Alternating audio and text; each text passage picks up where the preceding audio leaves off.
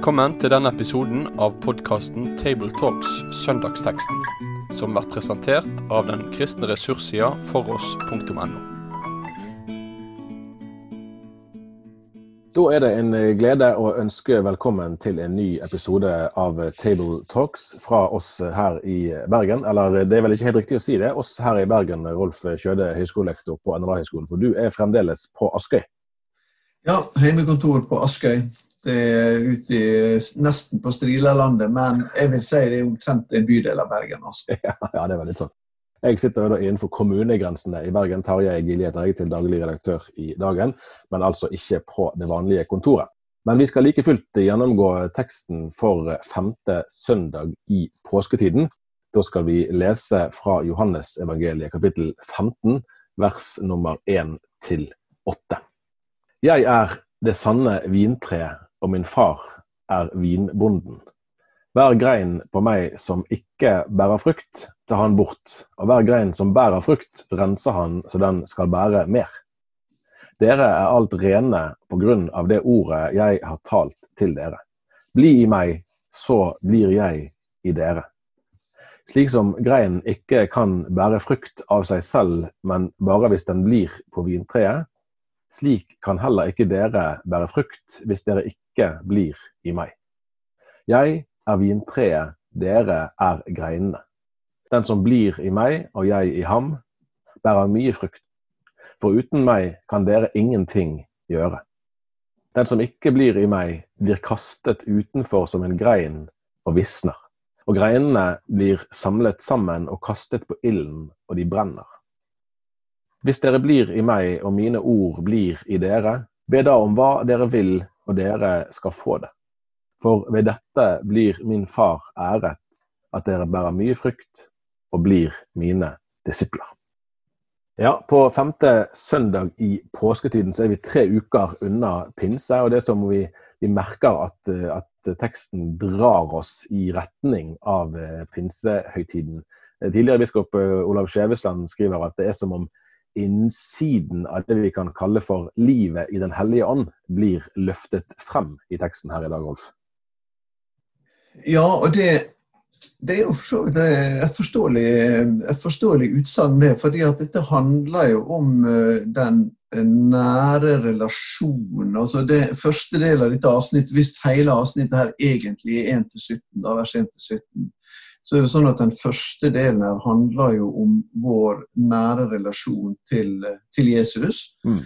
Og så handler den andre delen av det hvor tid nå det begynner, om den første delen går til 11 eller om man går til 8. Men iallfall når du kommer utover til vers, vers 14 og der, så snakker jo han om at snakker han litt med forholdet mellom vennene. Altså vi er vennene hans, men vi er også hverandre sine venner.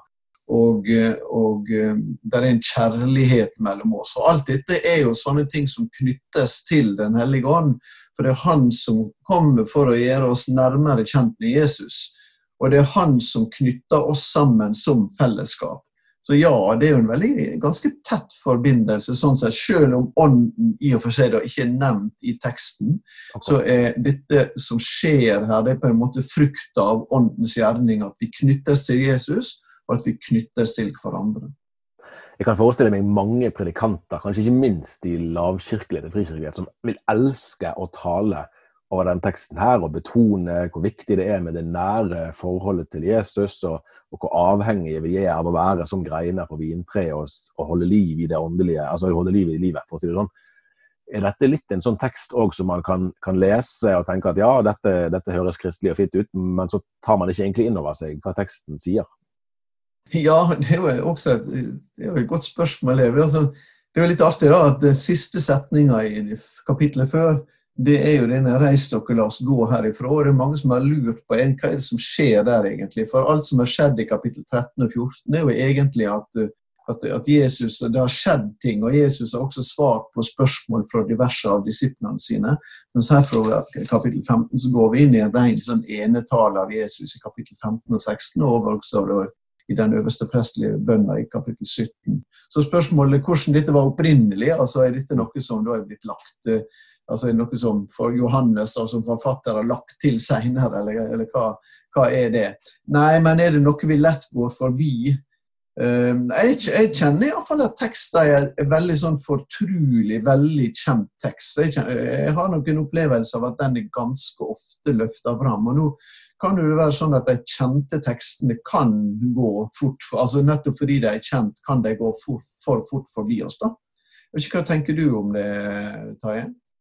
Nei, altså for, for uh, Med litt sånn teologiske begreper så kan vi jo si at det er jo nærmest en sånn mystikk kirkens eh, språk eh, Johannes bruker. og Noe av det som, er, som, gjør at man kanskje kan gå litt forbi, er litt det at, at eh, når vi begynner å snakke om vintre og greiner og frukt, hva er dette her for noe egentlig? At hvis vi, hvis vi er vant til å forholde oss mer til konkrete, målbare størrelser, så tvinges vi her til, til å forholde oss til mer abstrakte størrelser som ikke er så lett å kvantifisere. Og da kan det være at ja, dette her ble noen litt sånn svevende greier, la oss snakke om noe mer direkte. Ja, ja altså, det, altså, En av de kjente teologene Jeg sier ikke gode fordi eh, han står langt ifra det som jeg ville stå for teologisk i, i, i det forrige århundret. Heter Rudolf Boltmann. Han var jo veldig viktig for nytestamentlig forskning. Eh, og kjempekritisk til eh, historisiteten av av Nytestamentet. Og han mener jo at dette, denne fortellinga her på en måte er sånn nær, i nærslekt med en med en uh, sånn gnostisk type bevegelse som heter mandeismen. Uh, og, og liksom det, det, går inn i nettopp noe av den inderlighetstradisjonen og sjela sin oppstigning, så å si. Altså at det, det, det, tar oss, det tar oss vekk ifra det jødiske og det som Jesus kanskje ja, som jøde ville stå i. Og så er dette her et utslag da, av en senere teologi. Jeg har en, hadde en studiekamerat som også skrev en doktorgrad om akkurat det. og han drar ikke akkurat i Boltmanns retning. Um, men det er fordi at ja, men, men det, ligger en appell i det. altså fordi at det er den såkalte eksistensialistiske teologien som Boltmann sto for, kan jo vi av og til uh, la oss lure når vi hører den type eksistensialistiske forkynnere, fordi at de vil snakke om at, at det, det, viktige er at Jesus er hos oss her og nå. og så, så vil jo de i neste omgang si det viktigste er ikke, at han sto opp igjen fra grava, de tingene der, men at, at han er en ren, levende realitet for oss her og nå, og noe vi kan relatere, forholde oss til eh, her og nå. Eh, og det, Hvis du da ser vekk fra disse historiske tingene, er langt ifra det pietistiske, så er det likevel noe med eh, der er noe av en inderlighetsreligion som ligger i denne eksistensialteologien. og som hvis du ikke hører godt nok etter, så kan du forveksle det med en form for fromhet, kristen fromhet. Men det er det jo ikke. Eh, det er ikke en form for kristen fromhet, for det ligger så mye fornektelse av selve bibelmaterialet i det. Eh, og det er jo ulikt pietismen, da, som midt i sin inderlighet også forankrer seg i en ortodoks teologi. Akkurat. akkurat. Ja, for Da har du nevnt et par ganger eh, pietisme, som, som, både du og meg har eh, familiær eh, tilknytning til flere ledd tilbake. og derfor, Fra et pietistisk ståsted vil jo en sånn her type tekst være nesten sånn ønskemateriale for å betone kontrasten til altså den ytre fromheten, da, den, altså mm. lovtrelldommen, om du vil, som kanskje vi kan si at pietismen ble til i kontrast til at her, her, blir virkelig det indre, for så vidt mystiske, i positiv mening, da, eh, betont veldig tydelig. Ja, for pietismen er jo en form for luthersk mystikk. Jo, den står jo litt i den mystiske tradisjonen sånn sett. Og det, det, er en sak som noen av oss hodemennesker kanskje trenger, trenger å, å, minnes på og ta inn over oss. At det er også, det er også en del av, av, det kristne livet. Og denne teksten her, den, den knytter oss litt på det. da. Eh, en hel del, faktisk, med disse bildene som blir brukt om, om, å, om å, podes inn, så å si, om å renses. og ja, at vi, vi, hører til i et djupt, djupt livs, livsfellesskap. Akkurat. Og Det er jo interessant, fordi at denne her, det vintreet sant? det er jo ikke, altså, Når vi tenker på et tre, ei fure, furu i skogen eller ei gran for den del, eh, så tenker vi en svær stamme og så tenker vi en del greiner som står ut fra det. Men men vintreet det, er jo det har jo en liten stamme, men den er ikke veldig stor. for Den består jo stort sett av greiner. Og Da er det veldig interessant dette uttrykket som brukes her, da, om, uh, om, at Jesus er vintreet. Og vi er greinene. Han er faktisk helheten. Akkurat samme som med kroppen. Uh, kroppsbildet som Peter Paulus bruker. Jesus er ikke bare hodet, han er også mm. kroppen. Men vi er, vi er lemmene. Så her er en djup, djup enhet her. Det er jo det. Og så er det interessant å tenke på at, at for oss er jo, er jo altså, selve vintreet som bilde gjerne ikke noe vi i utgangspunktet er veldig fortrolig med. Eh, og Johannes bruker jo i evangeliet flere symboler. altså Brød, vann, lys, hyrde. Her er det vintre. Og her er det vel eh, viktig, for ikke si nødvendig, å ha med seg òg at klangbønnen hos de som hørte dette først, var en ganske annen. på den måten at Der var vel flere av bildene ganske tett på nettopp hverdagslivet. sånn at det var opplevelser nærmere det konkrete enn det kanskje gjør eh, for oss. Ja, det var jo tett på hverdagslivet, naturligvis. Det, mange, mange, eh, altså det ble jo dyrka, det var jo vingårder, og, ja, ja. og, og, og de laga vin. Eh, og det, slik, og det var jo mye av da, det er mye av nå. Så sånn sett er det tett på hverdagen. Men det er jo også tett på Det gamle testamentet. Fordi at Flere ganger i Det gamle testamentet så er jo det en framstilling av ja, Israel kan framstilles som en vingård, sånn som i Jesaja kapittel 5. Mm. Det er jo egentlig et domsord, da, men altså der de er vingården. Eh, og, og, vi finner dette også i Salme 80, som veldig tydelig holder fram israelsfolket som vingården og vintreet. Eh, og Vi finner også både hos Esekel og Hosea at dette bildet blir brukt eh, på Israel. Slik at eh, er, og, og, og I makabeertida, altså, som er da sånn fra ca. 165 til ca. 65 før Kristus, som er litt sånn storhetstid for det jødiske folket, så eksisterer det faktisk mynter fra den tida som er prega med et vintre. Og som viser at Israels selvforståelse var at de var Guds vintre og at han stelte med dem som det. da. Og at, og, det, og det, skulle da være frukt. Så mm, Det er ikke bare det at de er kjent med det fra hverdagslivet, men de er også kjent med det i sin selvforståelse. Og det gjør jo det interessant når Jesus nå da kommer inn og sier uh, Dette er jo et sånt jeg og Amy-utsagn. Jeg er. ikke sant? Ja, ja. Flere, veldig mange av gangene Jesus bruker dette jeg og Amy-utsagnet, altså jeg er, så knytter han det opp mot at noe som Gud er. Altså han, ja. eh, når Jesus sier at han er det, så identifiserer han seg med Gud. Men her identifiserer han seg faktisk da ikke med Gud, for han er vingårdsmann, men han identifiserer seg med det som eh, Israel skulle være, og som Israel er. da, Og som den sanne jøde, så kommer han inn og oppfyller, eh, kommer han inn og oppfyller det. og Dette går jo videre i Romerbrevet 11, men da er ikke det vintreet, da er det oljetreet. Men altså, Kristus er Kristus er selve treet som som det jødiske folket naturlig eh, knytta til, og som vi er poda inn på som hedningefolk. Her er noen voldsomme lag og perspektiv i det også, men ingen tvil om at jødene, når de hørte dette, så hørte de eh, et bilde som hørte, deres, som hørte deg til, da. Akkurat, akkurat som var godt kjent for dem. Ja. Ja. Og så er jo ikke dette her bare en sånn eh, en snill, eh, nesten poetisk eh, tekst. for Den er ganske skarp òg når vi kommer litt ut i, sånt, i vers 6 f.eks. at den som ikke blir i meg, blir kastet utenfor som en grein og visner, og greinene blir samlet sammen og kastet på ilden, og de brenner. Altså Vi forstår jo dette sånn bokstavelig for de som holder på med, med, med trær og, og, ja, at de greinene som, som er visst, de tar bort. Men når vi, når vi vet om hvem, hvem bildene handler om her, for å si det sånn, så blir jo ordlyden eh, ganske sterk, egentlig.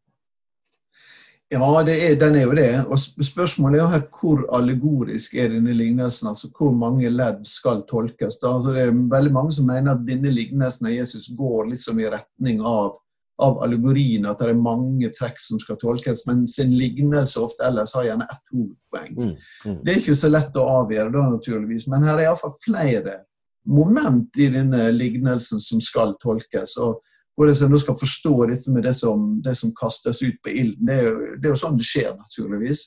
Eh, men, eh, og hvordan det skal forstås her, det kan ligge en, sånn, det kan ligge en advarsel i det. Eh, og ellers så bruker Jesus dette med å kastes utenfor og ilden. altså Det er jo et, et begrep som ellers hos Jesus, spesielt hos synoptikerne, knytter seg inn mot, seg inn mot det å gå fortapt.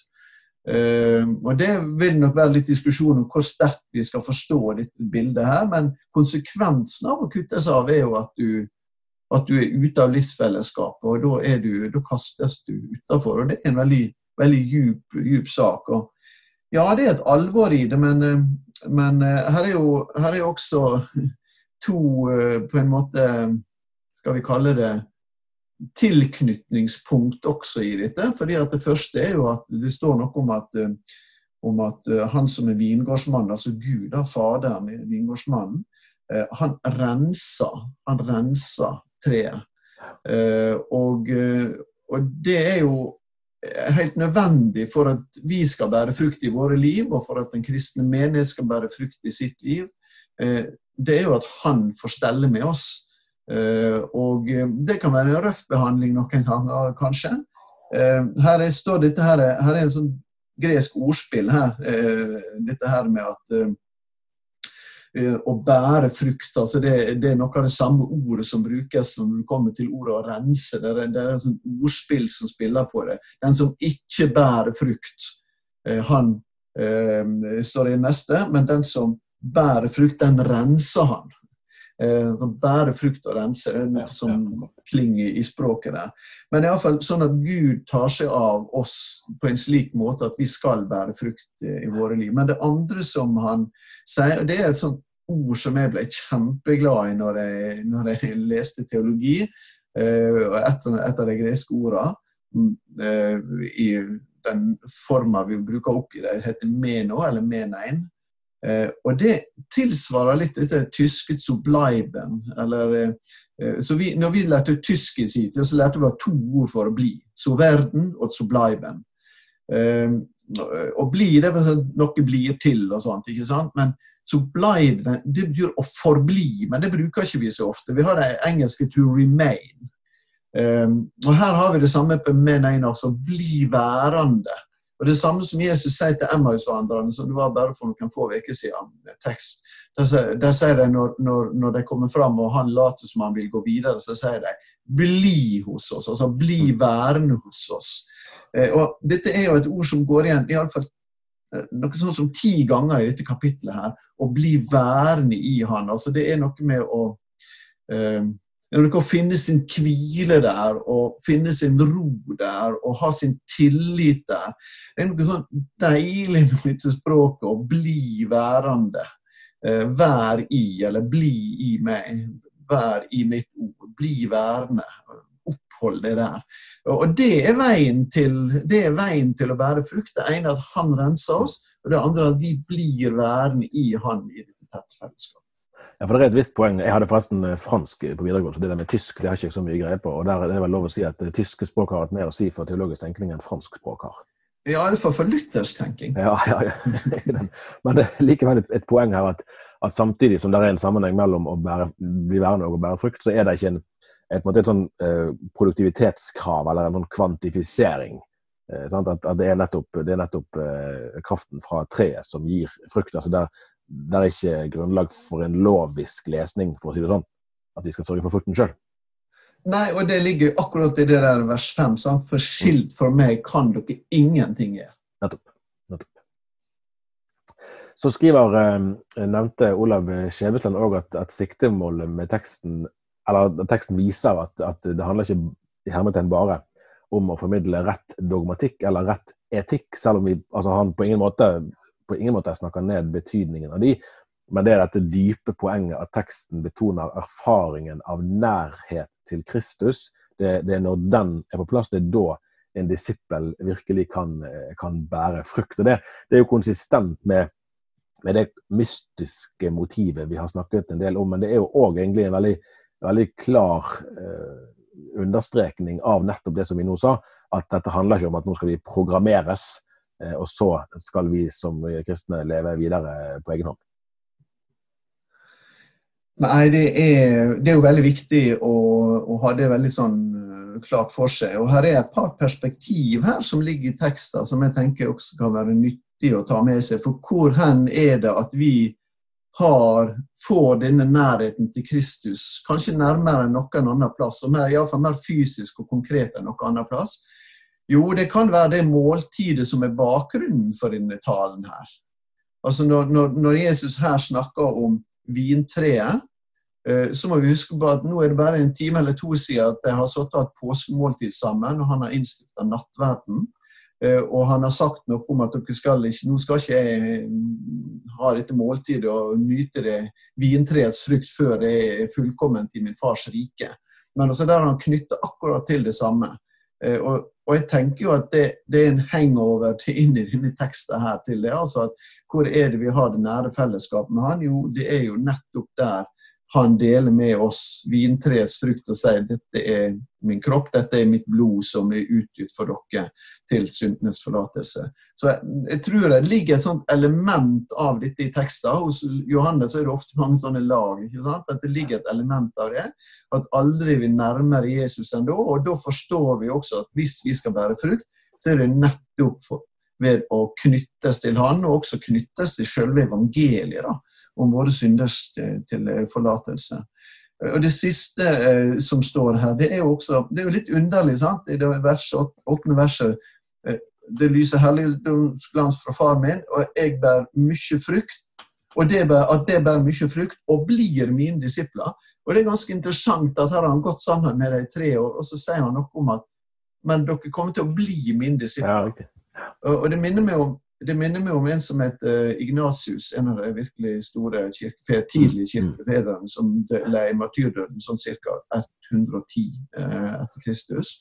Eh, og han, eh, og han sier det ifølge historien han går inn i sitt martyrdom, at nå blir jeg nå blir jeg på ordentlig en disippel. altså mm. nå, nå, følger jeg virkelig Kristus inn i det. Og, og det er også noe med dette med å, dette ordet 'mye frukt'. Karpos og pyler. og Hvis du snur om på det, så får du polikarp. og Det er mange som mener at mm. er noen som har lurt på om polikarp, som også var en sånn samtidig med, med Ignatius, da, eh, som rett og slett fikk et navn. Jeg har et navn som heter Mykje frukt. Ja. og, og, og, han også lei martyrdøden en del år seinere enn Ignatius. Mm. og så er spørsmålet mm, noen som har prøvd å spille på akkurat denne her Mykje frukt, han som da fikk navnet Mykje frukt, var det rett og slett det navnet han ble gitt, akkurat som Barnabas fikk sitt navn, og Peter fikk sitt navn. og Dette var det de registrerte hos han. Og Det vil jo være et veldig sterkt vitnesbyrd. Ja, det er en god test.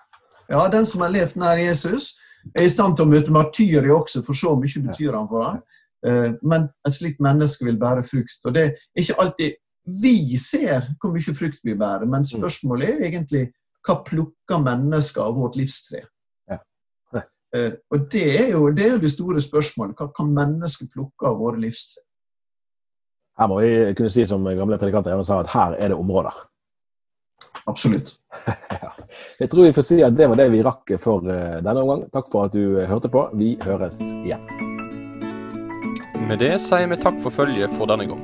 Finn flere ressurser, og vær gjerne med å støtte oss på foross.no.